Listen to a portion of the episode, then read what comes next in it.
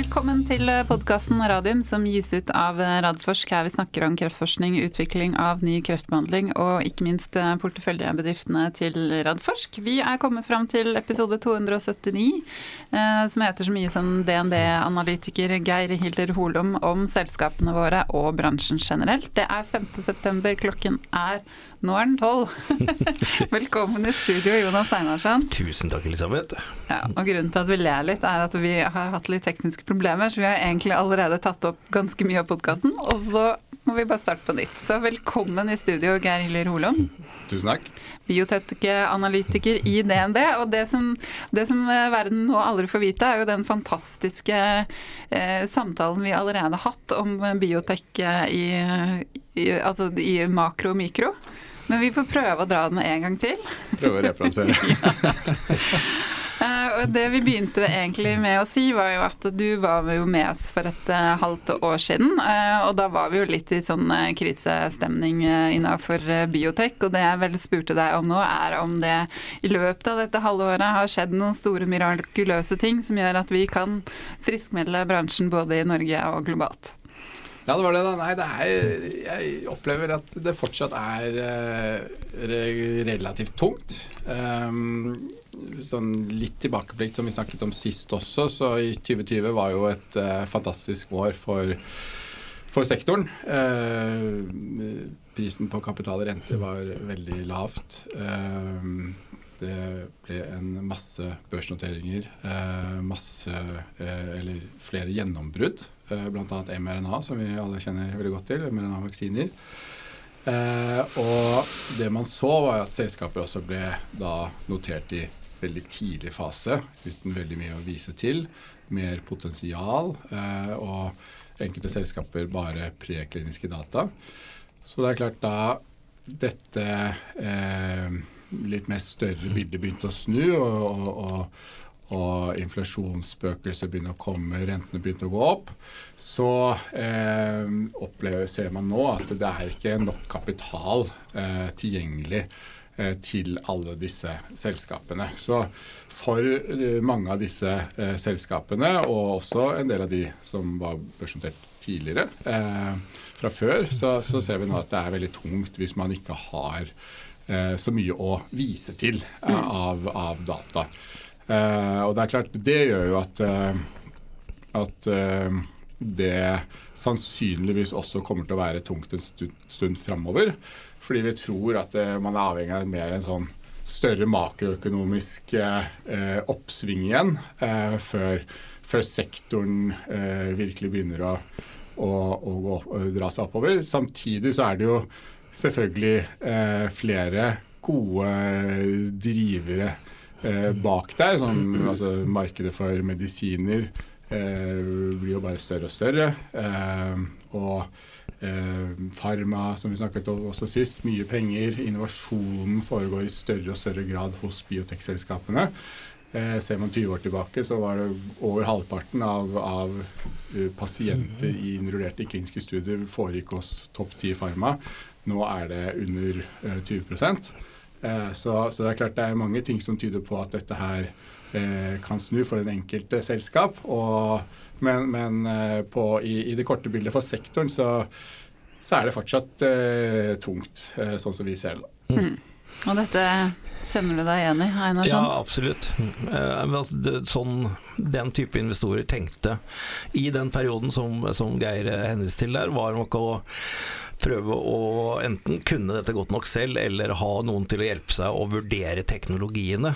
Og så liksom se dersom denne teknologien lykkes, er det da et virkelig unmet medical need?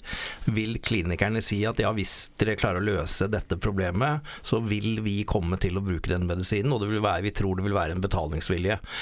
Og da var det eh, hvordan man flyttet da fra preklinikken mot klinikk, at man fikk stadig mer eller noen små pekepinner om at dette gir den biologiske responsene vi var på jakt etter når vi begynner med de kliniske studiene. Og vi kan til og med kanskje se visse tegn på klinisk effekt i de små studiene. Det var nok til at ja, da går vi liksom fra 90 risiko til kanskje 80 og da har vi lyst til å være med videre. Og så var man med videre i de selskapene.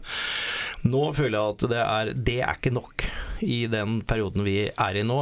Og dette gjelder jo spesielt de ikke-spesialiserte investorene. De spesialiserte både her, som vi dessverre har få av, men vi ser også de store internasjonale. De er fortsatt der og er villige til å ta de risikoene. Men det er jo ikke de som har funda våre eh, tidlige startup-selskaper. Det er investorer som har kanskje en bredere portefølje. De investerer i eiendom, de har investert i andre typer selskaper, og de har også hatt noe investeringer i biotek. Og når det da blir vanskelig, selv eiendom er ikke noe safe haven lenger i, i disse dager, hva er det du kutter først ut av? Jo, du kutter ut det som er den største risikoen. Og det er det vi lider litt under nå, så vi må på en måte ri stormen av. Eh, Og så er det fortsatt sånn, tror jeg, at hvis man er i stand til å produsere solide kliniske data, da er det villighet til å være med og investere videre. Men det er det vi må vente på. It's all in the data. Ja. Jeg skal få trykt opp den T-skjorta snart. Helt klart. Enig Jonas. Det er eh, absolutt gode eksempler der ute nå som har lykkes å tiltrekke seg veldig mye investorinteresse dersom de har eh, For de, som, de eksemplene vi har sett, det har det vært eh, store studier med veldig gode data. Der, da er det interesse der. Ja. Men det er klart sånn for halvannet til to år siden så var investordiskusjonene mye mer dreid seg om eh, hvilket potensial er det denne teknologien eller plattformen har. Eh, hvor mye verdi legger man på det ene og det andre. Nå er det mye mer hvilke data man kan vise til. Da. Så, så er det klart, har man gode data å vise til, så, så er det absolutt interesse der, sånn som vi ser det. Eh, Men for mange av de norske så, så er det jo mange som er i veldig tidlig fase. Og da har vi sett at det er, kan være veldig brutalt. da. Ja. Eh, Hvis man har, har litt å vise til, selv om det er eh, lovende teknologi. Hvor lenge vil det være brutalt, da? Det er vel det alle Det er jo 1000 kroner spørsmålet. Ja, Det er 1000-kronersspørsmålet. Det, er, eh, det er jo sånn i 2020 Det var vel ingen som hadde forutsett at vi skulle være der vi er i, i dag. Så, så det, men, eh, men det er klart eh, eh, De som har greie på mer makro enn det jeg har, de mener jo vel at eh, at eh, etter hvert så, så vil jo pendelen snu, og noen mener at eh, vi skal videre ned, og noen mener at man ser lyspunkter. Så, men, eh, men eh, jeg er ikke så veldig bekymret i og med at eh, på, på lengre sikt så har liksom biotek disse store driverne bak. Så, Men sånn for, for sektoren i, i, i sånn, å kjøpe en kurv med selskaper nå tror jeg ikke er noen god idé. Men, men for enkelte selskap da, så, så tror jeg uh, flere har blitt dratt litt vel mye ned. Og som sagt, potensialet i, sånn som vi ser det, i for liten grad er, er priset inn. Da. Så der kan man potensielt sett gjøre et kupp. Ja, det, det mener vi absolutt. Og så er opplever jeg at noen fortsatt uh, tror kanskje at det skal videre ned, uh, som venter, men at mange mener nå at, øh, eller at man kan gjøre gode, gode kjøp. Det, det tror vi jo, da. Jeg tenker at Hvis man går tilbake eh, nå og, og på en måte tar på seg litt sånn 2020-hatten og ser hvordan tenkte vi den gangen i forhold til risiko, men også da i forhold til potensialet og i forhold til vurdering av selve teknologien. Eh, Og, og da er inngangsbilletten billig i dag, hvis man gjør den samme vurderingen. Fordi disse selskapene har jo ikke, ikke gjort noen ting siden 2020 og fram til i dag. De har jo levert mye framgang. De har vist at det fundamentelle fungerer. De har kommet med mye spennende data. Sånn at det er, har blitt foretatt en risikoavlastning mens prisen har gått ned. Eh, Men da må man liksom ta på seg den Ja, da tar jeg risiko. Hatten på igjen. Eh, Og det må vi nok kanskje vente litt med, i forhold til at vi da ser at inflasjonen stagnerer og begynner å gå nedover, også med makro, og det samme med rentene. eh, Og at man tror at den belastningen krigen i Europa har påført hele markedet, den er der, men den tror ikke at den skal bli verre hvis man velger det. Og så da si at nå har vi liksom hatt den perfekte stormen, men nå, nå, nå er den i ferd med å løye. Og hvis man tror det, så tror jeg det kommer til å snu. Men om det Jeg tror ikke det skjer i morgen, og når det skjer, det vet jeg ikke. Helt enig. For mange av selskapene så ser det jo mye bedre ut enn det gjorde i 2020, da de hadde mye høyere aksjekurs. Så kan du si at finansiell risikoen er høyere, men ellers så, så er det jo eh, sånn Har jo sett mer data som skulle da alt annet like tyde på at eh, eh, teknologisk risiko er lavere. Vi kan jo gå over til å snakke litt mer konkret, eh, om, og starte med et av de selskapene hvor det definitivt har skjedd mye siden 2020. Det er jo Nycode. Eh, og de kom jo også med en melding i dag om at de nå har fått eh, FDA-godkjennelse til å starte sin altså potensielle registreringsstudie av HPV 10-16-vaksinen i mm. kombinasjon med, med sjekkpunkthemmer. Og da er vel det som de har i hvert fall guidet på, er vel at det kan skje allerede i fjerde kvartal. Det, den nyheten kom vel på toppen av et ganske bra halvårsrapportering også, som de hadde for et par uker siden, Geir? Ja, veldig god, fin nyhet i dag. At de er on track på, på å starte eh, denne studien, da, eh, som de har sagt skal startes i Q4. Mm. Eh, og litt sånn tilbake til det eh, der vi er nå, så, så vil vi jo ha mer data. Og det, det, vil jo eh, i høyeste grad denne studien gi, da. Mm. Eh, det er jo et sånn potensielt registreringsstudie, som du sa. Så, så, så det er jo veldig spennende. Um, og det skjer jo mye i det selskapet. Uh, mye tidlig fase der også. Men, uh, men det er klart uh, Ja, som du sier, det, der skjer mye. Mm. Vi kan komme tilbake til litt av det. Men hva tenker du om den nyheten? Jeg er enig med Geir. Det er en ja. sånn on, on track-melding. Uh, jeg hadde jo vært veldig overraska hvis de med tredje gang de skal starte en studie med det produktet, ikke hadde fått en eh, IND, eh, også i, i, USA. Men det er en viktig on track-melding, og det betyr jo at nå er det bare å sette i gang studien. Mm. og da vet vi at det kommer ikke noen forsinkelser på det, og da blir det litt spennende å se på hvor raskt de klarer å gjennomføre den, og ikke minst da å, å se på dataene i den. Eh, potensialet er der jo selvfølgelig for en registreringsstudie, men da skal dataene være gode. Men eh, det de har rapportert så langt er jo gode data, så det er lov å tro på det. Ja, det, og, og, egentlig to ting der. Um, Geir, for det de sier også i den meldingen, er jo at de kommer med oppdatering på design og også på utviklingsstrategi på det kapitalmarkedsdagen de skal ha i New York i, i slutten av september. Hva tenker du vi får vite der, holdt jeg på å si? Ja, nei, det blir veldig spennende. Den er vel 20.9. i New York først. Mm -hmm. uh, og eh, hvis jeg skal spekulere, så tror jeg jo at de kommer med mm, data på autoimmunsykdommer. Mm -hmm. Kliniske data der. Og sannsynligvis en del mer om eh, sine planer innenfor det feltet. Som er jo et kjempestort og, og spennende felt, så det ser jeg veldig fram til. Eh, ellers så har de vel sagt at det skal komme en key opinion leader eh, som skal snakke om eh, livmorhalskreft. Mm. Og, og eh, da vil jeg anta linke dette mot eh, eh, behovet som Nycode adresserer, og, og, og deres teknologi. Mm. Så det, og, markedspotensialet. Så, så det, det tror jeg blir veldig spennende og veldig aktuelt.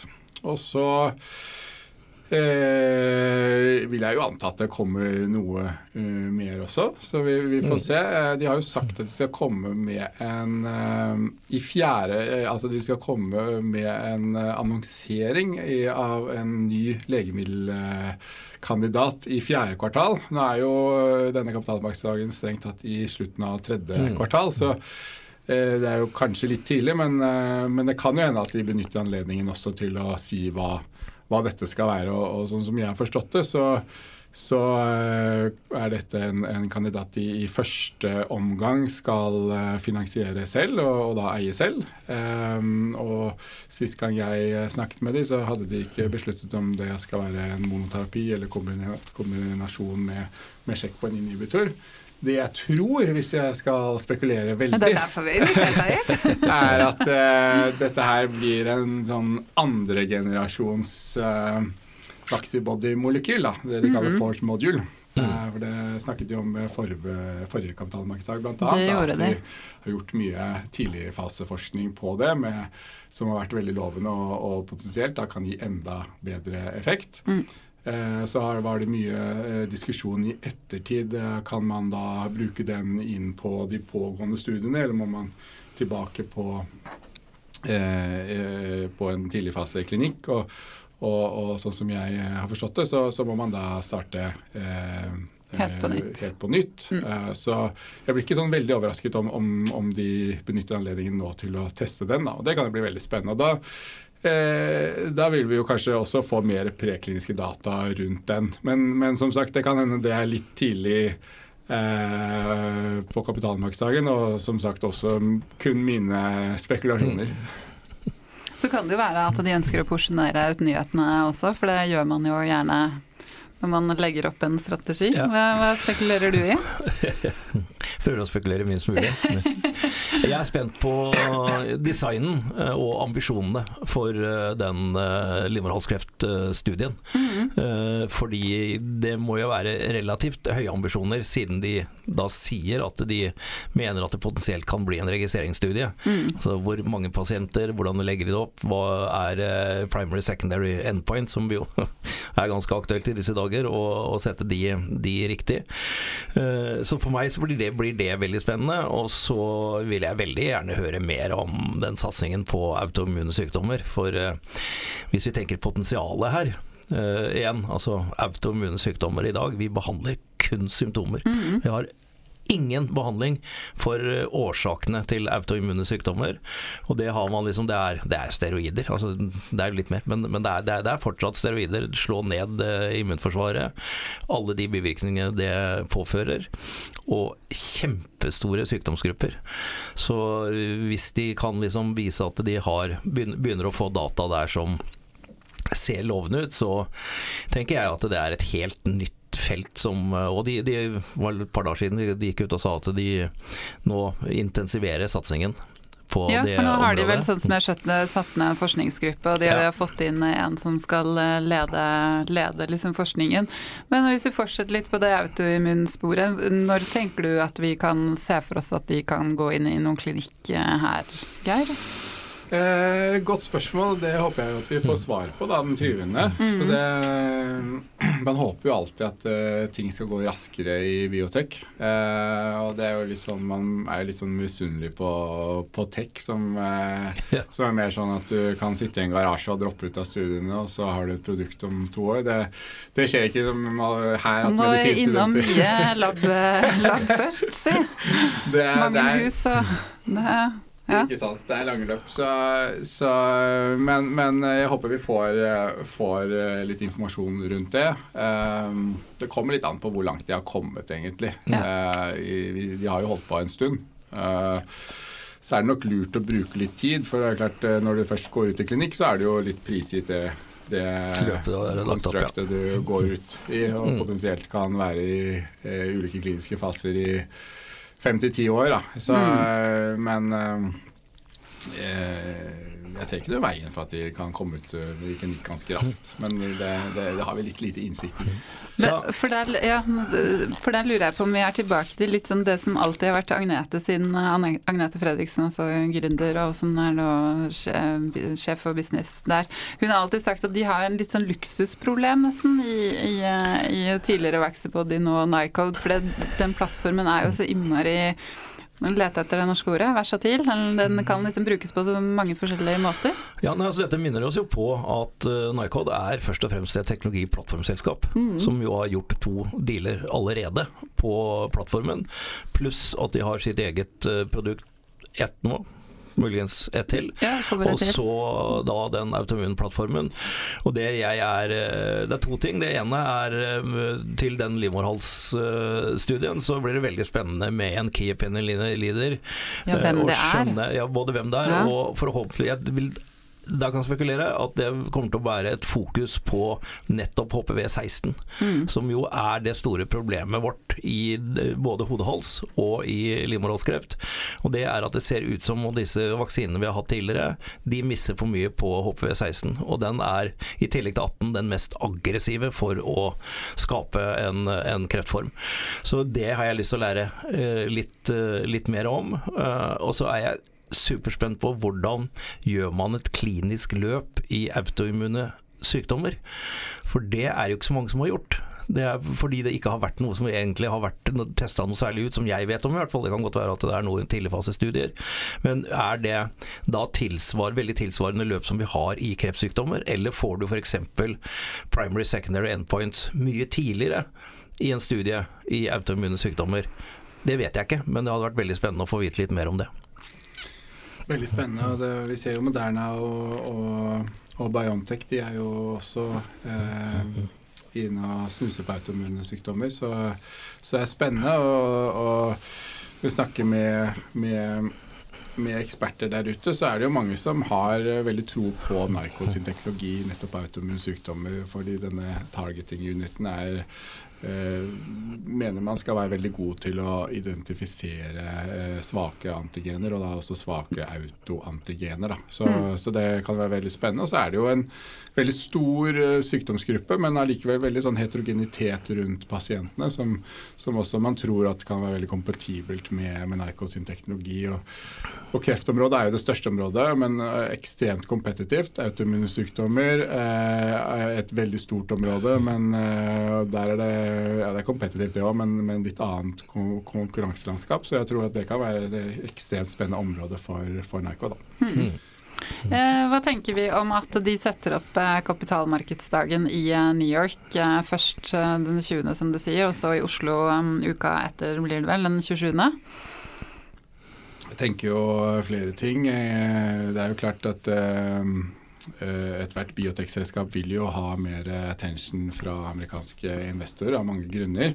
Så det tror jeg er veldig lurt. Eh, og, og eh, jeg opplever jo at de har mye interesse der. Og så vil man jo selvfølgelig ha flere investorer selvfølgelig også. Så, så det vil jo tro at det helt klart er, er ønsket. Og så kan man jo selvfølgelig sette det i sammenheng med, med disse planene om uh, en dual listing på Nasdaq. Jeg tror jo fortsatt at det ligger litt uh, lenger fram i tid, men, men uh, jeg tror det er veldig lurt å, å være der.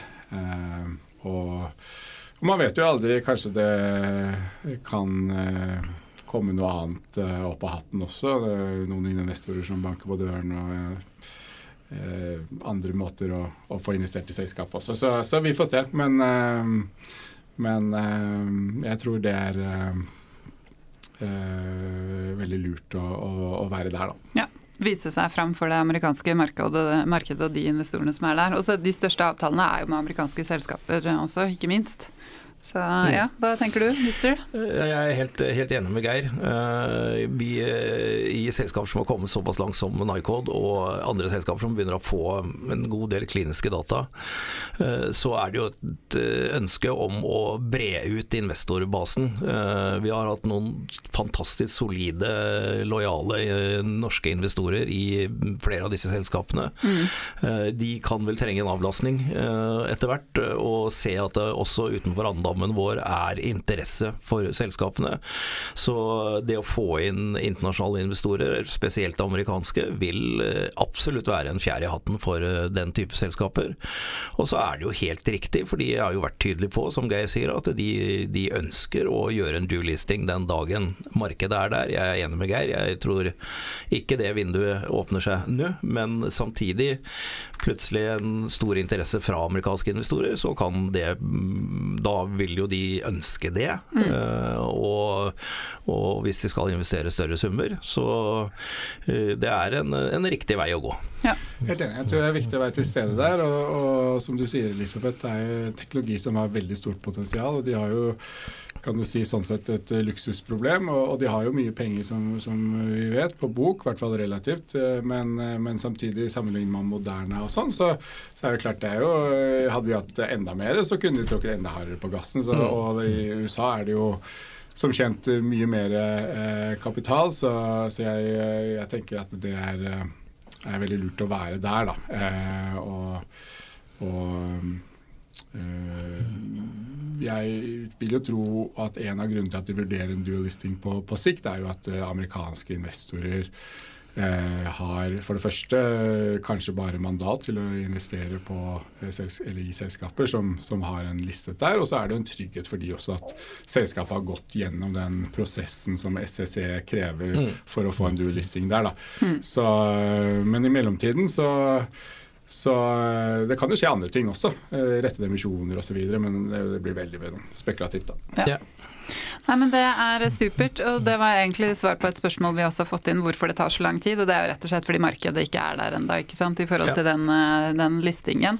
Um, helt sånn til slutt på Nycode, altså de lister jo en rekke milepæler uh, framover nå. Hva er, mest, uh, hva er du mest uh, spent på? På Nycode framover? Mm. Um, ja, altså, utover det vi har snakka om? Ja, utover det vi har snakka om. Nei, det blir veldig spennende på CMD. Det har vi snakka om. Komme i gang med C04-studien. Uh, eh, blir veldig bra.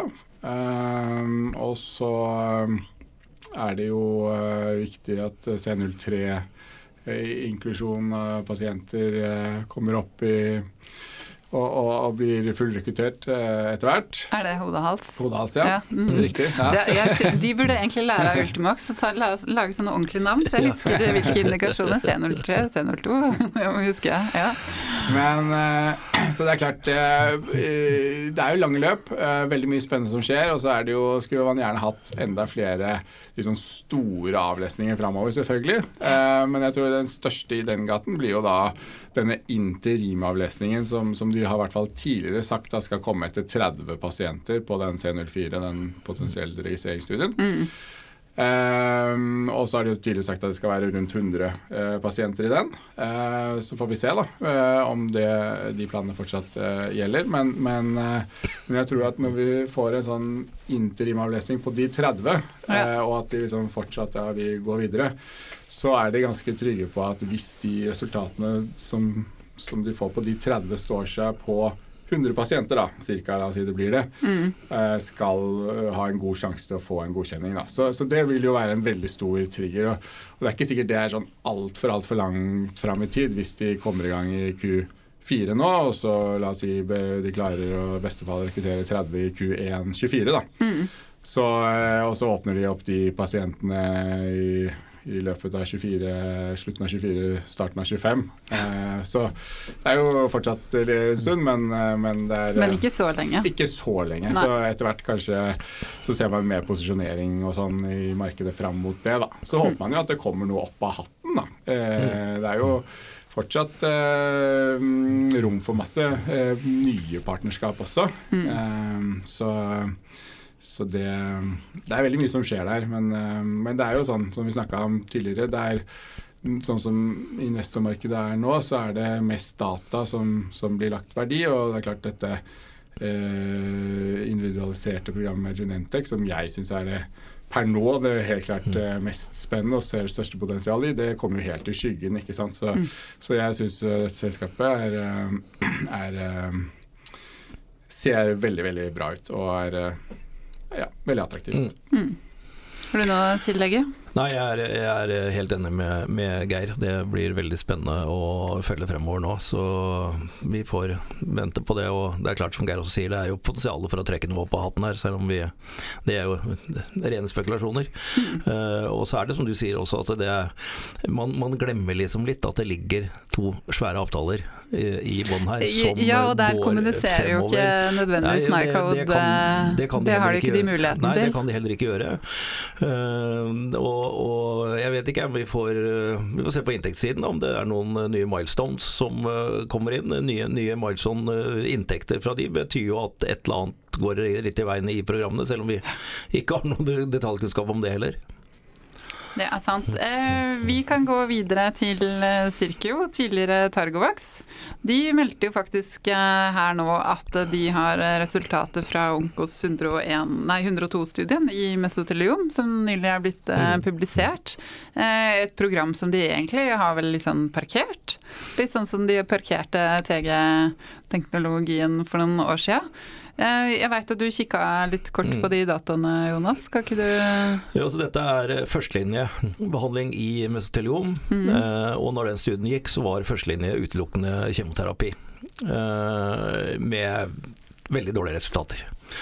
Uh, og ingen andre behandlingsalternativer i det hele tatt. Uh, resultatene så langt uh, ville jeg sagt igjen få pasienter enarmet, alle forbeholdene. Men bare etter 30 eller 32 måneder de hadde lest av, så var det altså Du måtte spørre om det er 30 måneder. 30 måneder. måtte kikke inn notatene. Jeg hadde det der. så, så har de jo Den er jo randomisert, studien, så de har ja. jo da 0, 0 overlevere, som vi vel hadde forventet, i, i bare, med bare kjemoterapi. Og så har de en del som fortsatt lever i denne intervensjonsarmen. 34,1% Ja, og det er i seg selv, uten at jeg har fått kikket på historiske data, sånn, så er det i seg selv veldig gode og spennende data.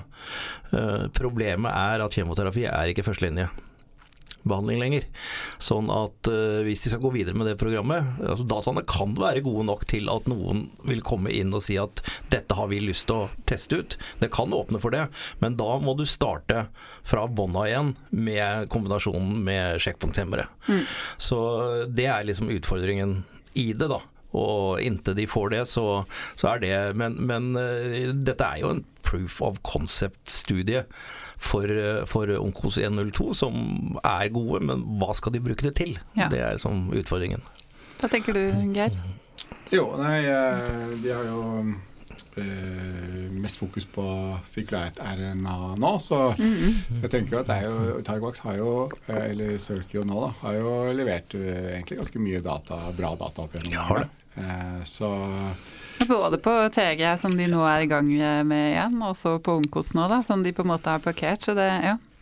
Ikke sant. Så, så jeg syns jo dette her var bra, og jeg er ikke sånn superoverrasket over det. Og så er det jo der er det jo tilbake til liksom veldig høy finansiell risiko i, i selskapet og, og, og, lite ressurser til å drive det der videre, da. Men øh, så er det vel mest fokus på sirkulær RNA nå, men, men, øh, men, det er jo spennende. Det er klart uh, skulle man fått til en avtale på sirkulært RNA, så kunne man jo kanskje fått inn eh, penger som kan også finansiere eh, videre satsing der, da. Så, mm. så om Nå ser det jo ser det jo kanskje Ja, om, om, et par år ser det kanskje helt annerledes ut i det selskapet. Så, mm. så da, og da har man jo det å, å ta opp fra, fra skuffen. Mm. Ja, for det tenker du om den rebrandingen. altså Hvor fort må de på en måte nå liksom, For det de sier selv hele tiden, har jo vært at nå er de blant de som er fremst i verden innenfor det med sirkulært RNA. Hvor fort må de på en måte komme videre nå og vise til data eh, i forhold til konkurrentene der ute? Må man liksom være først her eh, i dette segmentet, eller kan du på en måte ja, Skjønner du hva jeg spør om? Ja, jeg tror at det er viktig. Eh, Nei, jo, jo, jeg, tror jeg, skjønner, jeg tror det er viktig for de å komme raskt videre pga. pengesituasjonen, egentlig. De har jo en, eh, en, sånn som vi oppfatter det, en, eh, jeg vurderer det, en, en veldig sånn unik teknologi, måte å, å gjøre det på, som, som gjør at jeg tror at det viktigste de kan gjøre nå, er å få fram noen, noen gode proof of concept prekliniske data som, som, de potensielt kan gjøre en avtale på. og eh, de har jo sagt at de tror at de kan lande en avtale 6-12 måneder etter de dataene som, som, man venter nå snart. Mm. Eh, og opplever jo Erik som veldig eh, eh, selvsikker på det, selv om selvfølgelig ikke han kan, kan love noe der. Så, så jeg tror jo at eh, det er en veldig stor oppside i det selskapet. Men så på kort sikt så er det klart at det konvertible lånet det holder jo kursen nede. Mm. Ja. Eh, så, så eh, men, men, men, det er et, et selskap som, som, som, jeg tror at kommer til å se veldig annerledes ut om noen år. da. Mm. Ja, men Det blir eh, spennende å se. Har du noe å tillegge på dem? Nei, ikke, ikke, noe annet enn at uh, etter pandemien og alle de studiene og helt ut i, i, pasientbehandling som ble gjort med mRNA, så var det jo veldig tydelig at det var problemer med mRNA, som man jo for så vidt visste om og at var der, og som var grunnen til at det hadde gått veldig tregt med å utvikle mRNA-teknologien tidligere. Men uh, når pandemien kom, så var det enten mRNA-teknologien med dens feil og mangler. eller så måtte man bruke den gamle og tatt et år til å, å få vaksiner. Eh, så nå har man masse data på hva som er problemet med mRNA, og det er jo degraderingen av den, og hvor lenge den eh, varer, og da den teorien med at den blir spist fra endene, og klarer å lage en sirkel av det, så stopper du den degraderingen. Løser de det, og kan komme med prekliniske data som sier at vi har løst dette problemet, da tror jeg de har en fair sjanse for å få en, en, avtale. Og da kan eh, den plutselig komme som, som, en kule. Men det er avhengig av de dataene som vi ikke har sett enda. Ja. jeg skal ikke si det en gang til. It's all in the data. Nei, uh, Ultimax må vi gå videre til da. Altså der, her sitter vi jo da og venter, da. vi venter på data fra Initium. Vi venter på data fra NIPU. Uh, selv om de på en måte har litt kommet, men ikke kommet. Uh, hva er din vurdering her? Jeg syns Jonas virker lett i sinns, så Så, så, så, så ja. Du vurderer styreleders trynefaktor eh, allmenntilstand for tiden? Nei, det er klart uh, i, i, dette som uh, sånn slik sektoren er nå, så var det jo Ultimax uh, helt klart et av de selskapene som vi virkelig liksom krysset fingrene for på Initium. Og nå får vi jo være tålmodige eh, enda litt til. Og, og som, som, selskapet sier selv, så er jo det bra for pasientene. At, mm. eh, de lever jo lenger. De lever lenger. Mm. Eh, så er det fortsatt eh, en usikkerhet der om det er forskjeller selvfølgelig mellom gruppene. Eh, men det er klart tiden jobber jo eh, med oss, sånn som vi vurderer det. Eh, på et eller annet tidspunkt så blir det vanskelig å forklare at standard, altså IPI-nivå, skal kunne ha så mye bedre eh, resultater her enn det vi har sett på såkalte historiske eh, studier. Så, eh, så det eh, Vi tror jo på eh, gode data. Mm. Eh, og så er det jo så litt sånn interessant situasjon selskapet har kommet i nå, hvor, hvor det er klart De håper jo, vil jeg anta, da, at uh, Det er selvfølgelig bra at uh, dette tar tid, men man vil jo helst, vil jeg tro, uh, få dataene snart, og at de er gode. Sånn at man kan gå videre med, med planene, for det første.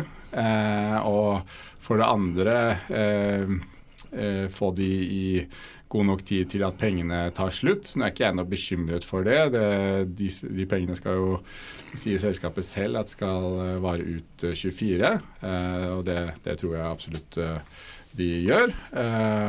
Og jeg tror jo at dataene kommer før det. og da vil vi også få fokusdataene, sannsynligvis. Eh, da, ja, for den er jo fullrekruttert nå, som det heter på norsk. Ja, og det er jo ikke sånn Hode-halskreftstudien. Ja. Ikke sant, og det er jo mhm. ikke en sånn eventdrevet studie, så da, da, siste pasient ble vel dosert før sommeren, og da skal det vel leses av eh, et år etter det, og så blir det vel litt datavask, så mm. kanskje august eh, vår spekulasjon, da. Mm. Eh, så vil du ha den. Eh, men det er klart, det er jo en litt interessant situasjon. da, og Sånn, sånn som jeg forstår selskapet, så, så, så er jo det en, en, grunn da, til at man eh, vil da vurdere både internt og i samråd med eventuelle myndigheter å åpne eh, eventuelt som en plan B, da, åpne dataene hvis det drar veldig ut. da. Mm. Så er det jo interessant at eh, eh studiet Altså vi fikk den melding om utstedelse forrige halvår i da det var vel eh, rundt to måneder igjen av halvåret. Eh, og da kunne man jo tenke at ok, er det 65 eventer eh, som gjør at man akkurat ikke rekker datavaskeperioden. Og så fikk vi jo nå en melding ganske tidlig dette halvåret at det ikke kommer dette halvåret. Og da, det er i hvert fall vår, sånn som vi tolker det, at det ikke har skjedd altfor mye eventer siden siden april at disse kurvene som, som Jens snakket om, har flatet ut. Mm. Så um, Nei, altså det, er, det er litt sånn nye ting som, som dukker opp, men, men jeg syns jo at uh, sånn isolert sett så, så ser Initium-studien uh, veldig, veldig lovende ut. Da. Og det, det trenger vi i, biotek. Det, trenger det noen gode nyheter uh, uansett. det er spennende. Også. Jeg vet ikke om, Skal jeg spørre deg i det hele tatt om å kommentere, eller skal du bare sitte og høre på, i og med at du er styreleder? Uh... Ja, Nei da, jeg, det, er, det er eh, Geirs oppfatning som er viktig her. Jeg kan bare gjenta det, det selskapet har sagt. Og, ja. og, det viktigste der er jo at vi, eh, vi håper og tror at Åslaug presenterer data på Esmo Eh, det får vi en bekreftelse på om Og da på NIPU, bare sånn for å være krystallklar på det? Ja. Eh, det får vi en bekreftelse når Åslaug vet om mm. det kommer eller ikke. Så mm. melder hun det til oss, og da melder vi det selvfølgelig ut med en gang. Så det blir, det blir jo utrolig spennende. Når er det Esmo er?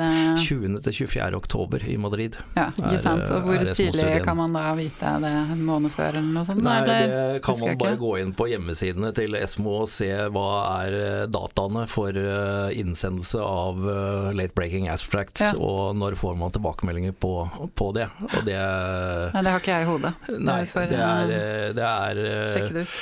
Jeg har ikke det helt i hodet, jeg heller, men uh, det er vel uh, Om ikke så veldig god tid, så er det jo i, i tid før konferansen at uh, de får beskjed om de får presentere, og hvilken type presentasjon de får. Så mm. det er spennende der. Og det er helt riktig med Initium, og Jens har som alltid beskrevet ting veldig godt. Og alle som følger nøye med i dette, har jo sett alle disse kurvene som ser annerledes ut i immunterapi enn de har gjort med tidligere behandlinger, hvor vi får denne halen. Eh, og det er jo egentlig Da er det differansen mellom de to halene mm. i kontrollarmen og intervensjonsarmen som gir oss de dataene vi eh, skal ha. Mm. Så selvfølgelig veldig hyggelig at det er så mange pasienter som klarer seg bra. Eh, men vi kan altså ikke spekulere i eller si noe om årsaken til det. Eh, men, men, det er riktig som Geir også sier, og vi motsier ikke det at sammenlignet med historiske data, så må det ha skjedd noe rart hvis vi ikke har også en fekta UV1. Men vi vet ikke før vi får dataene. Det er jo det som er komplisert da, når man skal sammenligne med historiske data. Rett og slett. Bare, bare legge, legge, til, altså, bare for å understreke, altså, i og med at vi nå ser og tror at det kan se ut som om vi har, kanskje har nådd, begynner å nådd disse platåene i begge armene, mm. så vil det, som Geir sier, ta mye lengre tid mellom hvert event. Mm. Og det er det vi nå gjør en intern vurdering på, om det er en annen mulighet som vi kan komme med dataene hvis dette nå trekker ut i veldige langdrag, eh, som også tilfredsstiller regulatoriske myndighetene og deres krav til at vi ikke svekker statistikken i studien. Det er det vi ser på internt nå. Der tror jeg kanskje det gikk opp et lys for meg. For da, da, har du pasienter som bare fortsetter å leve og leve og leve i begge armene. Det kan, det kan, være, det kan være, ja, at begge, begge har ja, nådd det. gikk polletten ja. Da kan det plutselig gå veldig lang tid at vi ikke når det, de, de målet. Og da må vi jo lese altså, Det begynner å bli litt sånn etisk også, vi må jo lese etter hvert og se ja. om vi virkelig har noe som fungerer eller ikke. Skjønner. Nettopp. Um, men uh, bare sånn veldig kort på NIPU, og så kan vi gå inn på Vi har fått en lytterspørsmål om, uh, om Ultivax, vi kan heller uh, gå dit. Um, I forhold til den, den, meldingen som kom på NIPU, så var dere litt sånn der Ja, men dette er jo ikke en studie initiert av Ultimax, og vi er sånn Ja. Dette tar vi med oss, de dataene, men det er ikke noe sånn For deres del, når dere eller du lager analyse for Ultimax, så var ikke det sånn veldig avgjørende på noen måte, skjønte jeg deg? Sånn som vi vurderer det, så Eller hvis vi går litt tilbake, så, så for før alle disse avlesningene så var det veldig mye mange fikk tilbakemeldinger fra mange investorer som var veldig imponert over Ultimax. At de faktisk kjører fem relativt store fase to-studier eh, parallelt. Eh, med relativt lite pengebruk. Uh, og hvorfor har dere klart det? Jo, det er jo så, fordi dere, fire av de fem er jo såkalt investigator-ledede studier, hvor, hvor um, eh, denne akademiske institusjonen har, betaler da størsteparten av, av kostnadene. Så, så sånn for et sånn selskap som, som Ultimovax så kan man jo tenke seg at det er jo superbra, for da får man virkelig liksom brettet seg ut og testet teknologien på mange områder for en relativt liten eh, penge. Så er jo nedsidene med det er jo da at du kanskje, da, eh, sånn hvis jeg skal snakke litt generelt, hvert fall, at du kan ende opp med noen sånne sykdomsindikasjoner som, som kanskje ikke man ville valgt selv. Kanskje det er en professor som står i stampe på, på en eh, kreftform og egentlig er villig til å bare prøve alt, men kanskje ikke rasjonale heller for immunterapi er egentlig helt der, i hvert fall ikke bevist. Så, så i verste fall så kan du, kan du ende opp med, med kanskje fire av fem, eller alle de fire var liksom ekstremt vanskelig, egentlig. Uh, og det er klart, sånn som vi snakka om sist, så fra et aksjemarkedsperspektiv så er det ikke egentlig sånn, sånn som vi vurderer det, så er det ikke så farlig om, om, om, om den femte studien hadde feilet. Men det er klart, når den første feiler, så blir det litt mer brutalt, da. Og, og det er klart sånn, så, så, så, vi var vel egentlig ikke sånn altfor overrasket over eh, kursreaksjonen, men vi er heller ikke Eh, så øh, gjorde ikke at vi ble noe mer bekymret for øvrige studier, som man kanskje kunne sett i andre tilfeller, hvor, hvor eh, hvis man feiler, så ok, da er det mindre sannsynlighet for at det virker på andre områder, og motsatt, hvis det virker, så får du en mer trygghet. Så, så jeg tenker som, som ble nevnt her, at det blir veldig spennende å se, se de mer detaljrike dataene som da kanskje da, eller forhåpentligvis kommer på, på ESMO. da. Mm.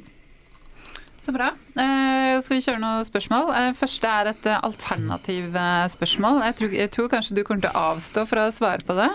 Eh, anser du det som mest sannsynlig at utsettelsene av avlesning av initium skyldes at UV-en har en god effekt eh, i eksperimentell arm? Satt opp alternativene ja, nei, vet rett og slett ikke. Det ønsker jeg ikke å svare på. Jeg, du, går, du for, jeg går for alternativ A, ja. ja. Eh, jeg tror jo at eh, det, Jeg tror at eh, jeg tror at UV1 har en effekt, og det er med på å forklare helt klart at dette her tar lengre tid. Og så tror jeg jo, jeg blir ikke overrasket om, om de kontrollarmen lever lenger enn det vi har sett historisk også. At man har blitt flinkere til å gi behandlingen f.eks. enn tidligere. Mm. Men jeg tror uh, at det vil være en signifikant forskjell mellom gruppene i favør av UV-en. Så ja. ja. Gå for alternativ A. Ja. Jeg tror ikke vi skal svare, svare på det. Jeg, jeg, jeg, håper det, ja. og det har jeg håpet helt siden vi starta ja, men, men jeg vet ikke. Nei. Um, jeg vet heller ikke. lite forbehold der. Uh, neste spørsmål er hvordan tenker dere at gode resultater vil påvirke aksjekursen i dagens uh, bear market? Uh, og så skriver lytteren jeg tenker eksempelvis på NIPU-studien. Vil gode resultater generere interesse fra større internasjonale investorer, er, eller er vi prisgitt utslitte norske investorer i kampen mot short-aktører og sell the news? Eh, godt spørsmål. Jeg opplever Vet du, Er norske investorer utslitte? ja, det, noen av de er det. Kan jeg slitne. slitne. Ikke utslitte, men slitne. ja, slitne er vel riktig, mer riktig. Ja. Uh, nei, altså jeg opplever vel uh, at uh, interessen rundt NIPU-dataene var vel kanskje enda større før den avlesningen. Men eh, for mer spesielt interesserte så er det klart veldig spennende den Esmo. Og, men det er klart det er jo litt forskjeller der. Nå vi, vet vi litt mer hva det der kommer til å dreie seg om. Vi vet jo PFS lokal sentral. Vi vet at uh, Forventer vel at uh, OS-dataene skal være ganske bra. Um, så um, Eh, jeg tror jo at uh, det er jo mer eh, et lite nedsidepotensial på den presentasjonen som eventuelt måtte komme der. Og så er det kanskje litt mindre oppside i og med at man har litt kontroll på hva som skal komme, selv om det er veldig mye som vi ikke vet, selvfølgelig også, da. Mm. Men liksom i det store bildet.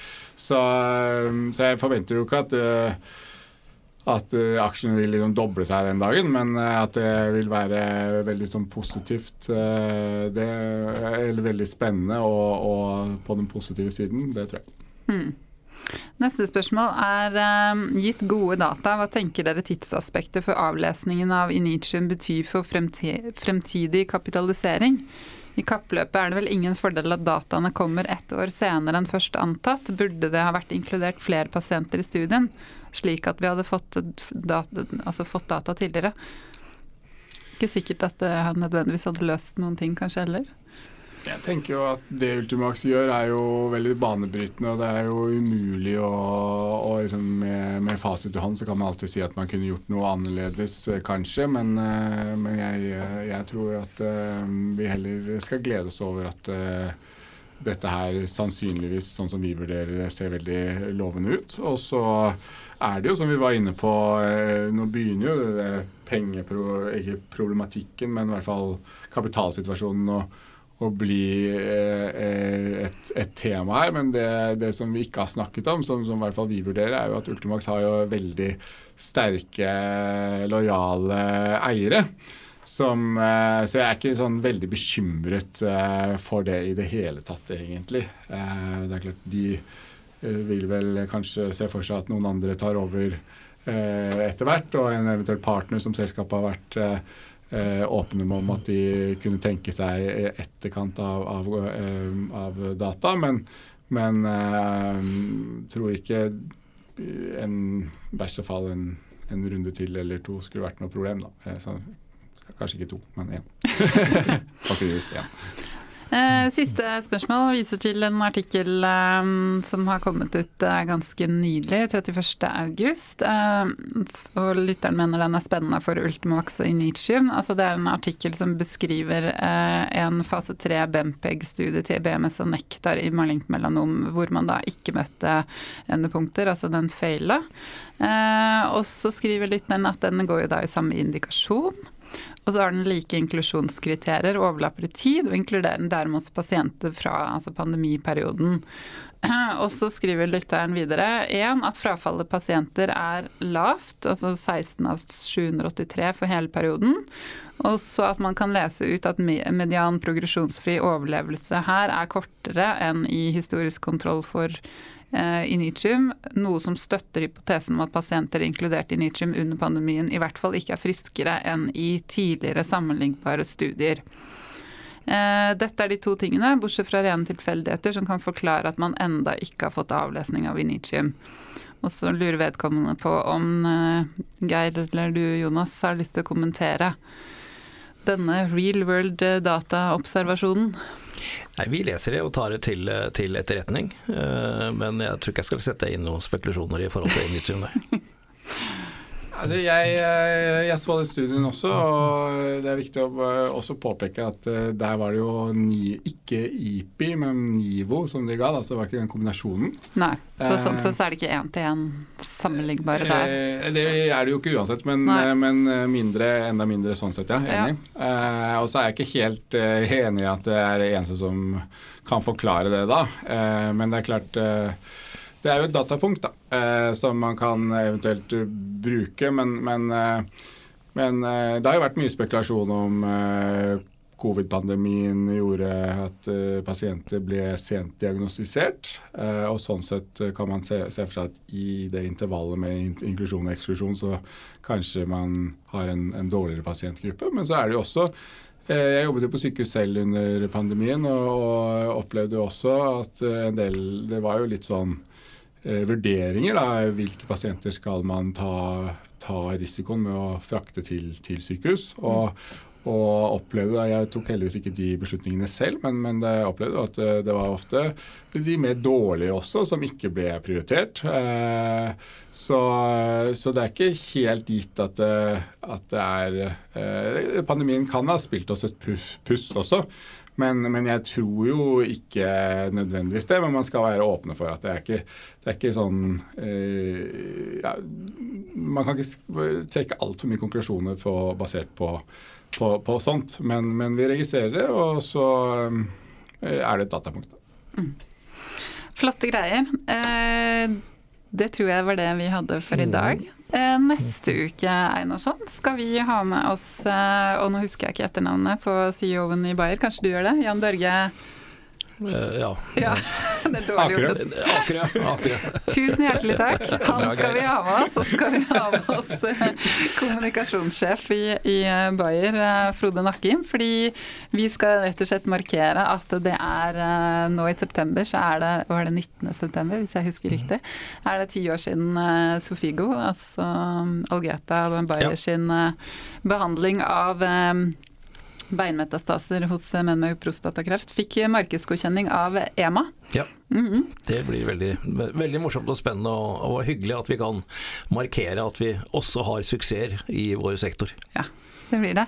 Men tusen takk for at du var med oss eh, i dag, Geir. Alltid hyggelig og alltid interessant. Og så, ja, da er det liksom på gjensyn og gjenhør igjen om et halvt års tid, kanskje? Eller før, hvis det skjer noe spennende. Takk det samme, gjerne det.